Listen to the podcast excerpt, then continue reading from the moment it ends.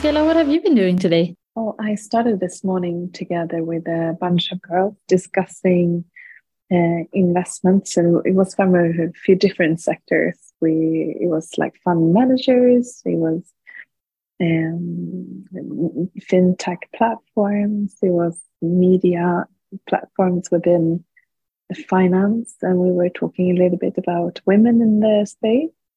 And then I took uh, the stroller with the baby and went up to uh, the chamber of is it the chamber of commerce? Handelskammare yeah. yeah the stockholm chamber of commerce. And um, i spoke a little bit about like the investments what's happening now in the current market. Are startups receiving funds? And do we see any any issues in regards to the valuation that's been coming down a little bit uh, so it was an interesting talk uh, together with there was Nasdaq and uh, also uh, founder of a savings robot like um, Ann Grevelius behind Opti. She was in the panel together with myself, and uh, it was a it was a new audience. it was not a lot of women there, to be honest. oh, but, but maybe these yeah, men also needed to. Maybe these men also needed to learn a thing or two yeah exactly. And it's so and then i came back to the office and uh, yes i've been running around a little bit with a with a stroller in the city. Lovely. And meeting a lot of uh, inspiring women. That is great. Yeah. how are you up in the north? Yeah i'm all good. I'm actually starting to look at the events for the autumn. We have been starting to plan our coming big event that we will have, but also make sure that all our members in the around Sweden will get a lot of nice opportunities to meet with women and network and also learn a thing or two about investments. Mm.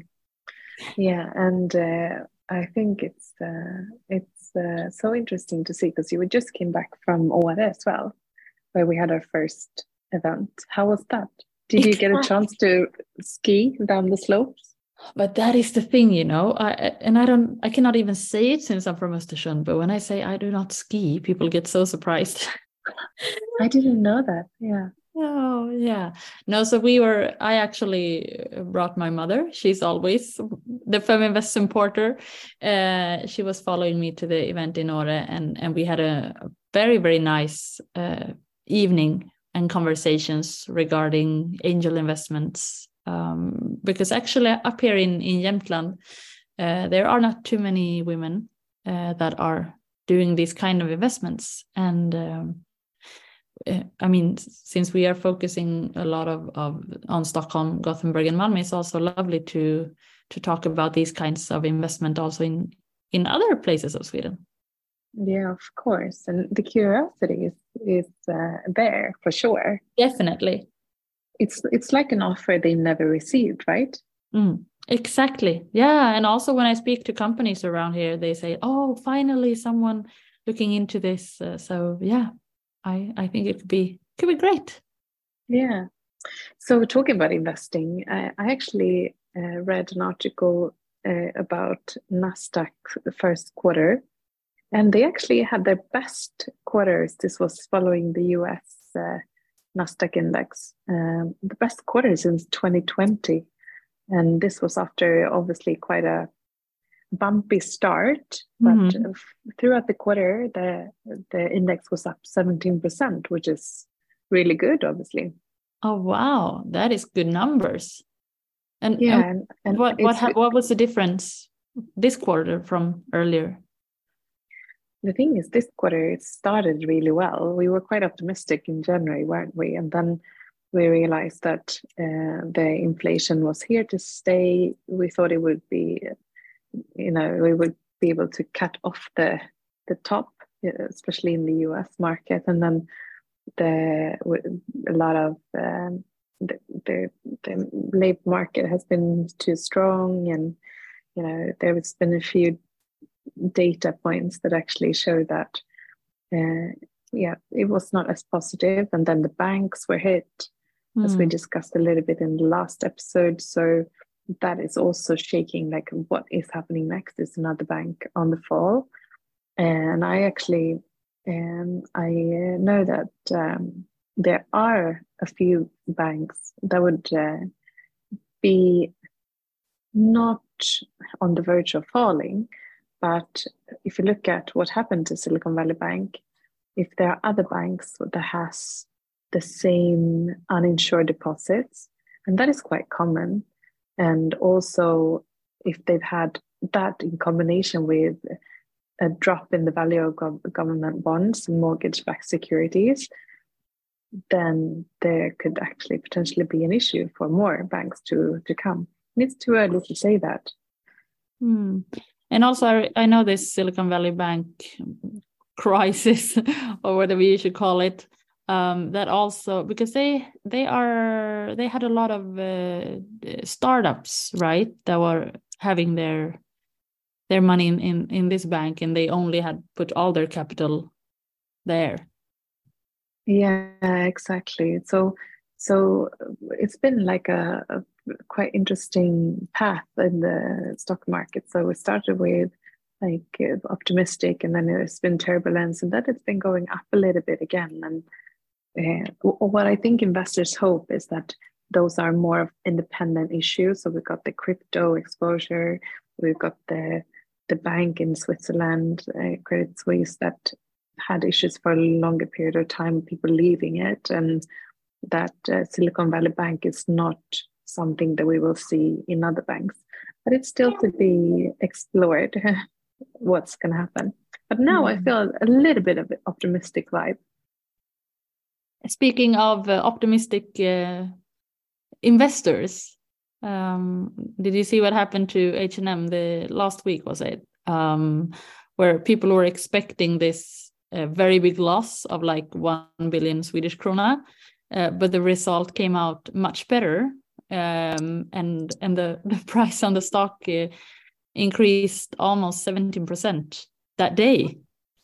I know. And it's so interesting because they are obviously being criticized for um, you know cutting in their employees so they wouldn't have the same um, they've been criticized for their you know not giving their employees a full-time job mm. uh, in their savings program mm. but this is so interesting how soon it shows in the financials as soon as you did that they've been improving their numbers and they but what they've done is you know the the the big owners, the family uh, person behind, has been buying in at a really low level, and they obviously knew that this result were waiting. So now they came in on a quite cheap in the in the share, and a lot of speculations are going on if they are actually going to intend to buy the company. Have you read that?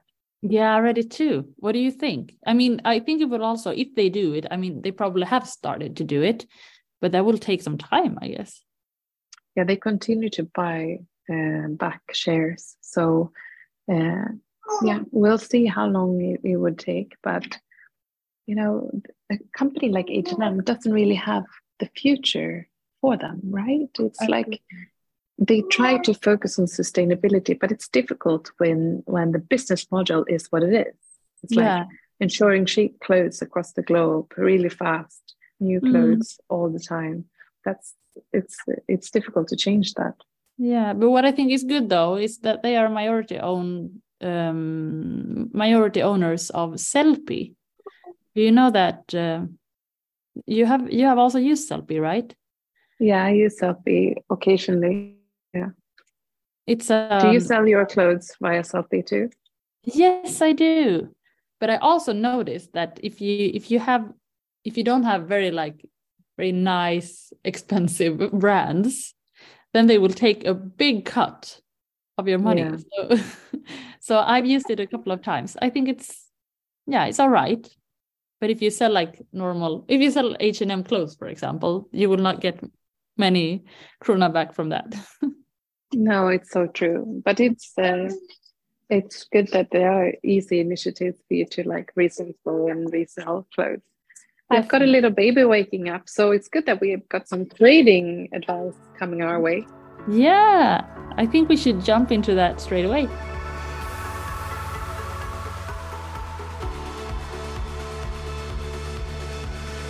Hi everyone, I hope you're all doing well.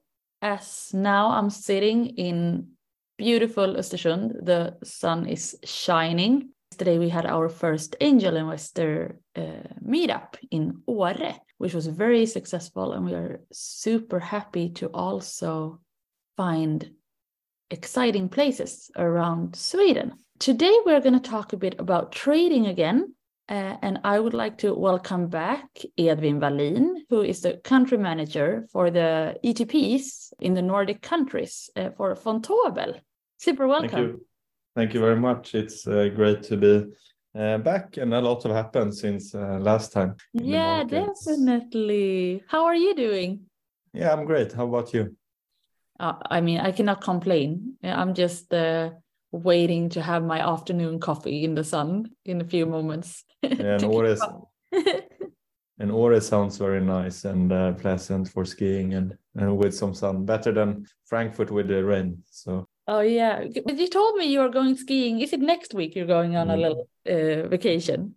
Yes, up to Sweden and to Ramundberget. Uh, so it will be fun. Ah, lovely. So you have been a, a part of the podcast earlier. Uh, then we did the recording in Swedish. Um, so if you maybe just can tell us now, since we are starting to do the podcast in, only in English, uh, what does Vontobel do? Yeah, so uh, Vontobel uh, is an investment house and we distribute exchange traded products uh, within the Nordic region and within Sweden. Uh, so we have uh, products that one can trade at uh, one's local bank to speculate in uh, both um, bull and bear markets, depending on the market beliefs ones have. Yeah, and trading has becoming very popular the last few years, and I'm thinking especially around the COVID times. And why do you think there are so many people that are interested in trading? Yeah, I think there are many reasons. One uh, part would be that um, yeah, the ability to speculate regardless uh, of the market situations and the market condition. In other words, being able to to go long and short. And usually, when you have a portfolio, you always long. But with exchange traded products, you can go both ways and uh, and speculate uh, regardless of the market conditions.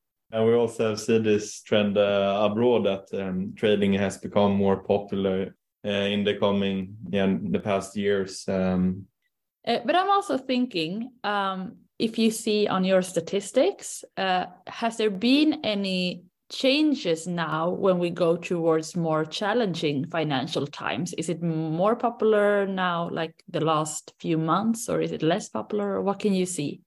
And this year has been really good and, and the interest for exchange traded products in sweden has been very good. But it has been some changes uh, in the products one trade and how people trade. I would say that there are a bit more swing trades now compared to before. Then it was more day trading. So there are basically two types of trading. One is day trading when you speculate on a daily basis, and one is swing when you do more speculation uh, on uh, maybe a weekly basis uh, and there are different products that is uh, more suitable for one or the other. So now, for example, mini futures become more popular and more people trading it. Um, and there are also a lot of different like communities starting up about trading and similar. So it's uh, the interest has grown a lot uh, in the last yeah the last year I would say. Yeah, and last time you were in the podcast, uh, then we were talking about mini futures. Actually, can you just briefly tell us about mini futures for our yeah. English listeners also? Yeah, it's a product where that's um, you can invest with leverage, a leverage product. So you can uh, uh, have different leverage, and uh, depending on your uh, beliefs, so we have long and short. You can speculate in, uh, that it will go up or or down, and um, in the mini future is um, uh, quite easy to understand product product to understand. And these mini futures are following a certain stock or yes, so it's basically what someone called a delta one product. So it's the closer one is to like the strike price, the, the higher the leverage. And uh, then the mini future will follow, yeah, follow the underlying or the, what you believe based on the leverage, because what it's how it's built up is that you borrow from the bank basically. Uh, and then that's how you get the leverage pos- position. But also, I would like to know um, can you see that people in different countries are using different kind of traded products or Uh, yeah, it's uh, differs. So the Nordics are fairly the same, like Denmark, uh, Norway, and Sweden, where bull and bear certificates very popular. But in in Finland, it's a bit different. So there, people trade more uh, what's called knockout warrants, and um, yeah, they usually trade only the German DAX index compared to in Sweden, one like OMX Stockholm index, and uh, in in Norway they like oil and Tesla. So it's there are some differences, and with well, if we look at a European perspective, and like Italians, they like uh, trading things that uh, gives a coupon instead and, and, doesn't have the same leverage. And Germany is a very broad market with many different type of of products existing and uh, traded. Mm, interesting. And can you also see any difference between uh, men and women, between mm. ages? Is that something you have looked into? Yeah, so in trading, there are a variety of uh, ages, and uh, trading is for everyone. And this is something we have uh, tried to promote with uh, with you and Feminvest. And uh, if you look at when men and women, there are many men, but we hope to change that to make trading more inclusive and more uh, open uh, towards uh, different people because it's one way of investment that has been growing in the past uh, in the past years. And of course there are some groups that uh, trade more. For example young people has trade more but it's also basically due to it's a lot of technical things and understanding. But also old people it's uh, very different. There are a lot of different people trading which is fascinating and speaking of women and trading, so tonight uh, you, together with our ambassador Sofia Bäckström, will host our second uh, webinar where you're going to talk about uh, ETPs. This webinar will be in Swedish, and you are going to have the theme of bull and bear certificates. And can you tell us shortly what that is? Yes, so a Bull and Bear certificate is exchange traded products, one of the most uh, popular products in, in Sweden, which you can buy at uh, your uh, local bank or brokerage firm. And it's a product that it's it's uh, suitable for, uh, for example, day traders. And there are different leverages. We have everything from one in leverage uh, on certain underlying, both bull and bear. So you can go long that you believe in the market will increase or short if you believe that the market or down the underlying will decrease. Um, so we have from one up to 20 in leverage. So there are many different ways of trading this products and we will go more into depth how one can use this in a portfolio uh, depending on one's uh, market beliefs. Yeah, it sounds it could be a very very riskful trade though to have a leverage of 20. Yes, so there are many different uh, leverage. Um, so, for example, one or 20 or even 22, which are very risky product. And it's uh, very important when one trades this type of products to understand the risk associated with them and how the, the certificate will move based on uh, the leverage one take.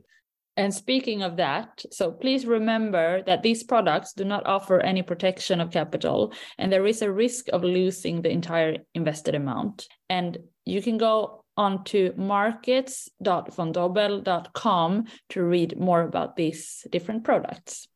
Thank you. Thank you. And um, how will you spend your day, Edvin?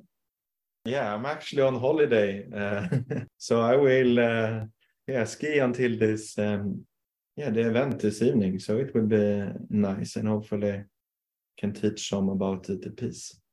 Yeah, definitely. And we are very thankful for you doing this during your vacation. We are super happy about that. So um, I just want to say for all of you that haven't booked your tickets uh, for this webinar tonight, please log into feminvest.com to get your ticket now. And Edvin, have a lovely day. I hope the sun is shining on you when you're skiing. Thank you very much.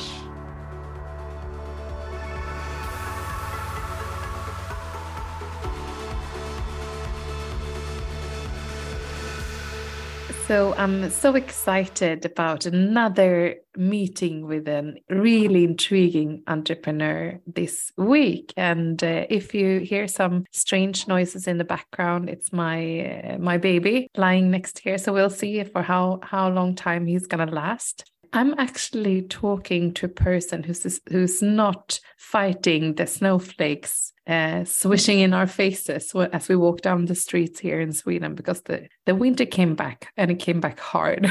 uh, but you, uh, Yvonne Roe, you are based in Italy. And even though you are a world citizen and you run this amazing uh, brand called Lura that is yes. designing uh, Italian handcrafted uh, bags, but also got a really interesting tech aspect to it. Yes, correct. So nice to sit down and talk to you. It's really a pleasure for me. Thank you so much for having me. You are a world citizen, as I said. Uh, can you just tell me a little bit about uh, your world and where you are from?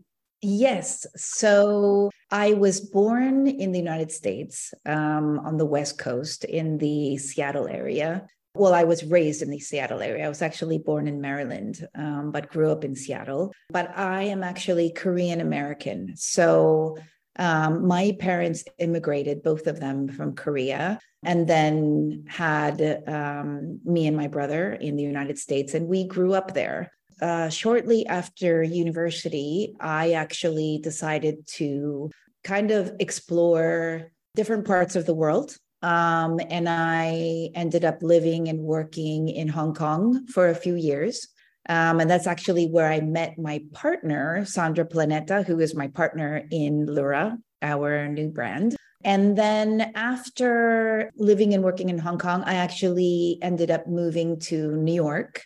Um, and I lived and worked there for a few years. And, and that's where I opened my first brand, my first company in 1999. I opened a, um, a bag brand there, um, which went on to sell in, um, you know, the, the best department stores and boutique stores um, pretty much worldwide for uh, around 13 years. After a few years living in New York, I ended up moving to Italy. And I did that. Which kind um, of makes sense if you are working with leather and yeah. design bags. Absolutely. It ended up being something um, fantastic for my career path um, and for the opportunities and the know how that I was able to take on um, because, um, you know, Italians have been making handbags or leather goods, um, you know, dated back from Roman times. And our brand, which is called Lura, is actually a Latin word um, that comes from, you know, the the ancient Roman times, and it means sack or container um, mm-hmm. in in Latin.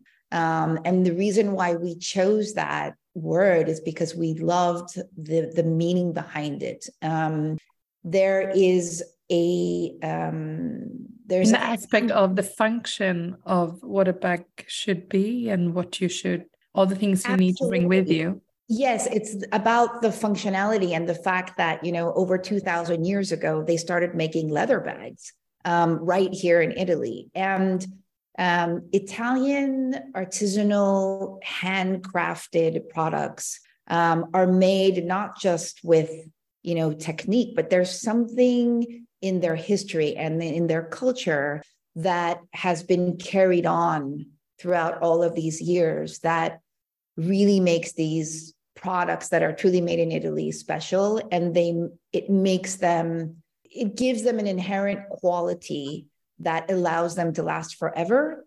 And so the meaning of this word lura, which dates back 2000 years um, to us, really reflected what we wanted the brand to be about. So, um, I mean, just you know, briefly getting back to the to the question that you asked me, um, I ended up moving to Italy around 20 years ago, and it was a wonderful choice for you know what i was doing in terms of my career but i actually ended up moving to italy for love.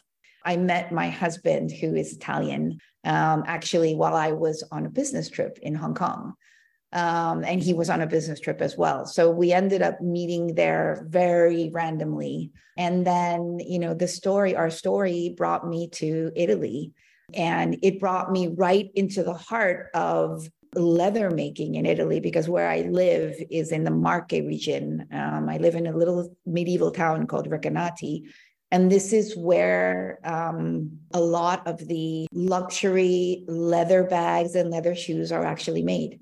So mm. it ended up being a very important story of destiny for me. That's what I believe. it's quite funny though, believe. because you could even have said, uh, I've traveled here for love of bags and exactly. leather goods. Yeah, yeah. I mean, it was two things parallel for me that it ended up kind of designing my career path and where I was going to take, you know, where I was going to take this.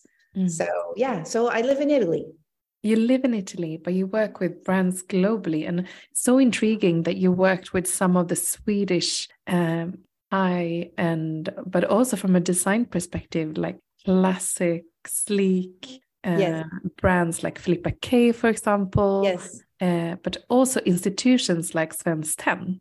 Yes. Can you tell yes. us a little bit of what you've done for those? Uh, Yes, so I've been working with both of these brands for, I would say, almost 10 years um, two very different brands, but also similar in certain ways. Um, they both wanted to launch made in Italy um, leather bags, um, but they didn't have the know-how um, and the experience um, in the leather bag category to do so on their own. So, and that's what a lot of brands have. I mean, I have a, a, consulting company in Italy that I've had for the past 20 years. Um, and that's what a lot of international brands um, come to come to us for is really our know-how in how to create a collection and not only how to create a collection but also how to develop and produce a collection in a in a way that you know allows them to have a winning strategy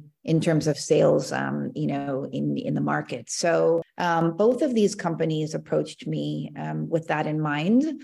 And I've been working with them ever since. They are two wonderful companies, um, like I said, with completely different backgrounds, um, but they both have a very strong philosophy in terms of sustainability and um, being able to lovely your baby. Um, yeah, he's joining the conversation now for yes, those who don't see. Wonderful. wonderful. So yeah, so they both have this very, very strong um, philosophy um, in terms of making sustainable products that have a very low carbon footprint that are um, you know that promote responsible consumption it's been wonderful to work with them Mm, yeah, I can imagine. Yeah. And uh, also, uh, it must have given you so many tools and like learnings for building your own brand. Absolutely. Um, you know, starting the journey of Lura, and I'm so excited to hear about what you're about to to do with it because you you obviously have dipped your toes into this uh, Italian uh, history of craftsmanship, but you yes. also uh, look into the future with uh, the the day the lives we have today with technology and how are Absolutely. you integrating those two? It's so fascinating. So i mean first of all we you know we came up with this and I, and I say we because my partner um, i actually have a swedish partner. Her name is sandra planeta um, and when I had the idea, um, you know, a few years back to start up this brand, I knew that I would need a partner that would be able to create um, the digital and physical brand building together with me to reach the end customer. Um, so, and I um, have been working with Sandra since you know we we met each other in 1997 or 96 rather in Hong Kong. So um, I knew that she would be um, an ideal partner for me. So when we started up the company and the brand, we really thought about um, this space in the market, um, this opening in the market for a digital and physical lifestyle brand that would cater to a very specific client. And that was an extraordinary, accomplished, driven woman uh, very similar to ourselves.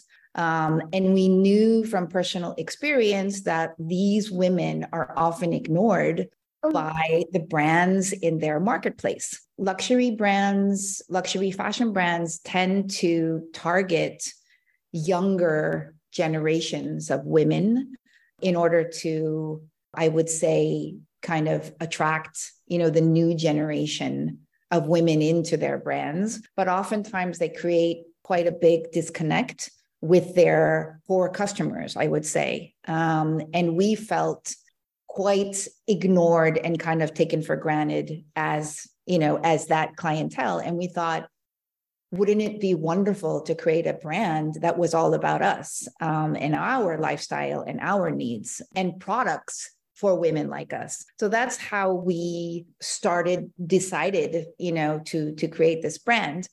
Um, and at the same time you know in terms of you mentioned technology at the same time we as women uh, use technology every day to make our lives a bit easier. So we thought how could we integrate technology into our brand as an added service or functionality to our clients? You know we we we need to be constantly evolving in terms of the type of product that you know we want to develop and we want to create and offer. Um, but obviously it was quite important and critical that we had an incredible opportunity to work with a technology partner um, who is actually a shareholder of our company, who is um, a leading Italian technology company, which is specialized in smart products and systems using IoT and artificial intelligence platforms. So that obviously was a huge opportunity for us to be able to partner with a technology partner like that, um, because technology and fashion can be quite um, not only intimidating in terms of um, how to make it happen, but it, you know, it, it requires a huge investment and um, it's not it's not an easy path to take on. And also, it's not it's out of your expertise. Like with your background, you have uh, you are the perfect um, you know what the customer needs and you know what was worked from a production perspective you have the design skills absolutely so, we knew we needed a partner that would support us on that. Um, and that's why, you know, we had this opportunity and we thought, yes, we should integrate technology and, and we will be doing that gradually. Um, it's, you know, our bags is our, our product Lura is not, is not all about technology. It's really about what can we add into the bag to give an added service to our customers. So it's about functionality and um, as we use technology today, most of us. So yeah, we're very excited about that. Yeah. And, uh, you know, from uh, building a brand, like what would be your advice to other women? There's so many women out there that has this dream. Yes, absolutely. Any so, good advice you want to share? Yes. So from the beginning of Lura, we knew that we wanted to fundraise and bring in specific investors um, who could help us to scale our project, uh, not only through funding, but more importantly, through know how and experience that they could bring to the table. Because like we, smart capital. Exactly. So that we knew that we could start, like through this path, we knew we would be able to start scaling Lura in a very concrete but efficient way. So from the beginning, we knew we wanted to do um, a fundraising round. But my partner, Sandra, and I had never fundraised. And I have to say, it was the hardest part of the startup process for, for myself, at least. And if I had to give some advice on how to approach this, I would say number one, do your homework and prepare every single aspect of your future company um, from the concept to the production, logistics, marketing, sales, social media, every single detail of your company, prepare it. And then, you know, the thing that is super important is you need to know your costs and your budgets inside and out before you approach any investors.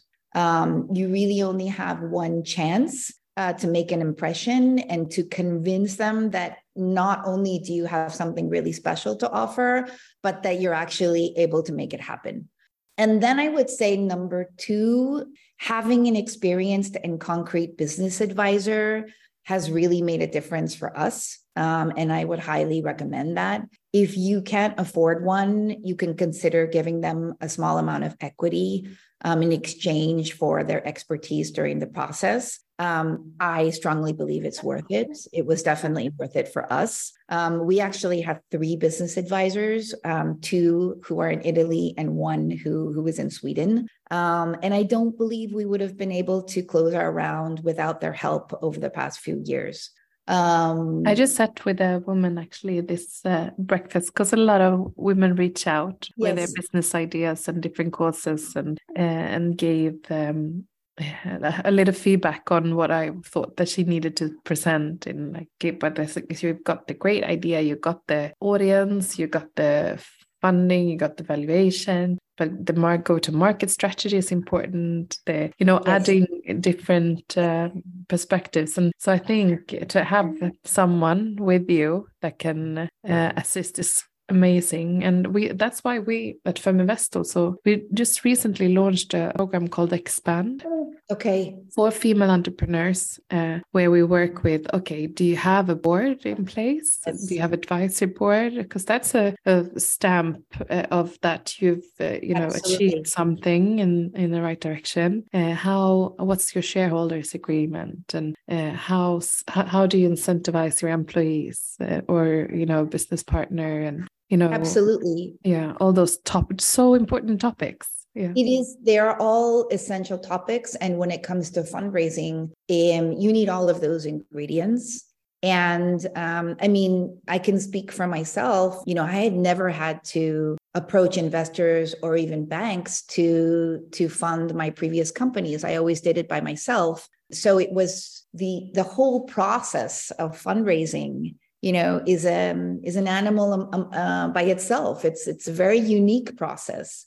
And if you are not familiar and if you don't become you know if you're not an expert regarding that process i would say it, it's it would be extremely difficult for you to be successful in that process. You need to understand you know all the mechanisms involved um, because it is really hard to convince people to put their money into your you know into your new brand or your new concept um, i usually say it's it's also like a dating the earlier you can get to know the investor ahead of when you need the money the better because you'll uh, you'll be able to uh, show them by the work you've done prior to raising funds Absolutely. that you are the right person to do it because it's like on Tinder, we are quite skeptical, aren't we, while swiping around? Yeah, absolutely. And you may have potential investors that you get to know early on in the process that maybe for them it's there it's not going to be the right fit at the end of the day um, but they may have you know open up their network to you and you may find you know your investors through them. So it is a very unique process that i myself had to really get used to. You know i, I didn't have experience and I, I was very hesitant in um, being super persistent and also insistent. But once you know i was we were guided through it through our advisors and we were able to understand what needed to be done um, you know at the end we made it work so mm-hmm. I would say yes, the, the, the business advisors are a crucial part of finding your success at the end. You know, don't it, it would be very difficult to do it by yourself. Mm-hmm. Um, and you'd be amazed at how many people are out there that want to help you. So many good advices that you have shared in like being prepared and getting people on board with the right competence to help yes. you navigate, uh, yes. raise funds and uh, knowing the numbers and the the language i guess you know that it's it's a different lingo. It is it is. And also understanding what exactly as you say what investors are looking for and they don't have a lot of time. And you know you really need to um, be super focused and be giving them the answers that that they're looking for you know? Um, so it's it's a very complex and challenging process um, but if you just stick with it and you just keep learning, if you stick with it and keep learning, you know, you'll make it through. Mm-hmm. Um, and you know, some days you'll think, wow, this is never gonna happen. And and but then at the end of the day, it does. So, and yeah. that's also one thing of being your own boss that I wanted to ask you. Uh, it's um, you know, it's magical at times, but then at times you don't think it's going to happen, and it's quite uh, yeah, it's quite tough. And but what do you what do you think? Like, uh, what has been Um, your experience? You've been on your own for quite some time, and then you've had Yes. business partners in different ways. I mean, I think that if I could say something that helped me a lot was my network of other women entrepreneurs that, especially in, in the fundraising process with Lura, I had a lot of amazing women around me who gave me new ideas, who opened up their networks, who encouraged me. I mean, you will have those days when you really just want to give up on everything.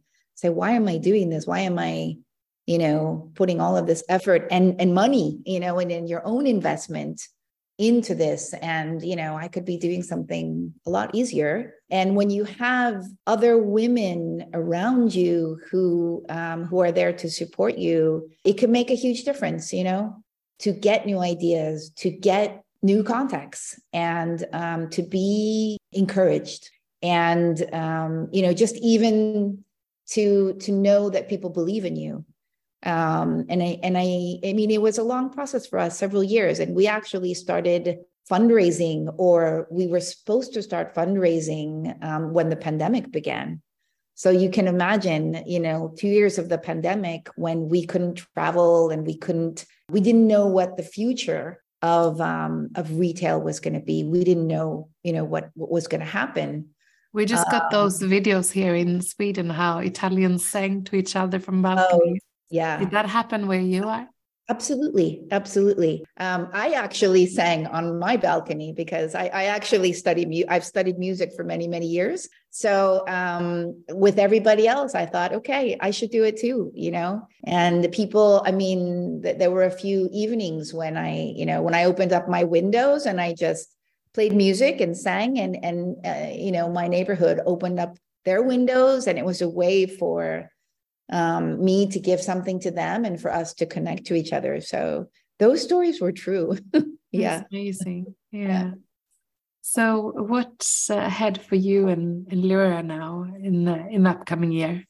So we are launching officially the brand um, a, at the end of August to early September. So now we are, um, you know, moving forward intensely with building up our um, website and um, uh, our communications and our, our sales plan.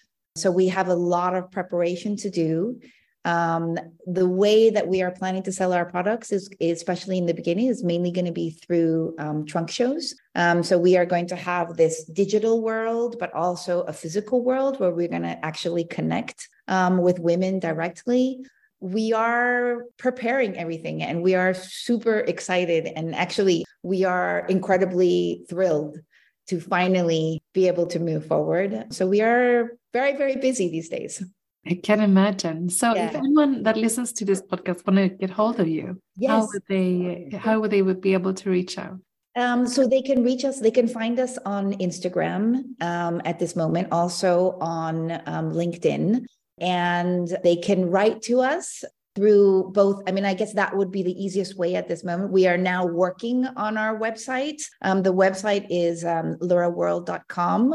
Um, right now, there's just a little intro page in there, but we will be launching the whole site um, in September. But you could also write to us through our little intro site that we have up right now. Absolutely. Uh, In any of these ways. And, and we would love to tell you more about um, the brand. Exciting. Best of luck. And it was lovely to sit down and talk a little bit with you, Yvonne. It, was for me as well. This is my first experience doing a podcast, and you've made me feel very relaxed and, and, and at, at home. So thank you so much. Thank you. You did really well. and I think you. you did quite well too. Thank you. Thank you. Take good care. And we are back in in the next week as as well. We'll talk a little bit about the stock market or investments in some aspects and also interview a female entrepreneur. We're so excited about the hundreds of women that we've interviewed running their own businesses during this the lifetime of this podcast. And for just a few episodes, we've been doing it in English. Um, so I hope you enjoy it. And if you're new and found this podcast recently, then uh, don't hesitate to reach out on our social media. You can find us on Feminvest uh, on most social platforms. Thank you so much. Have a great week and look forward to talk to you in the future.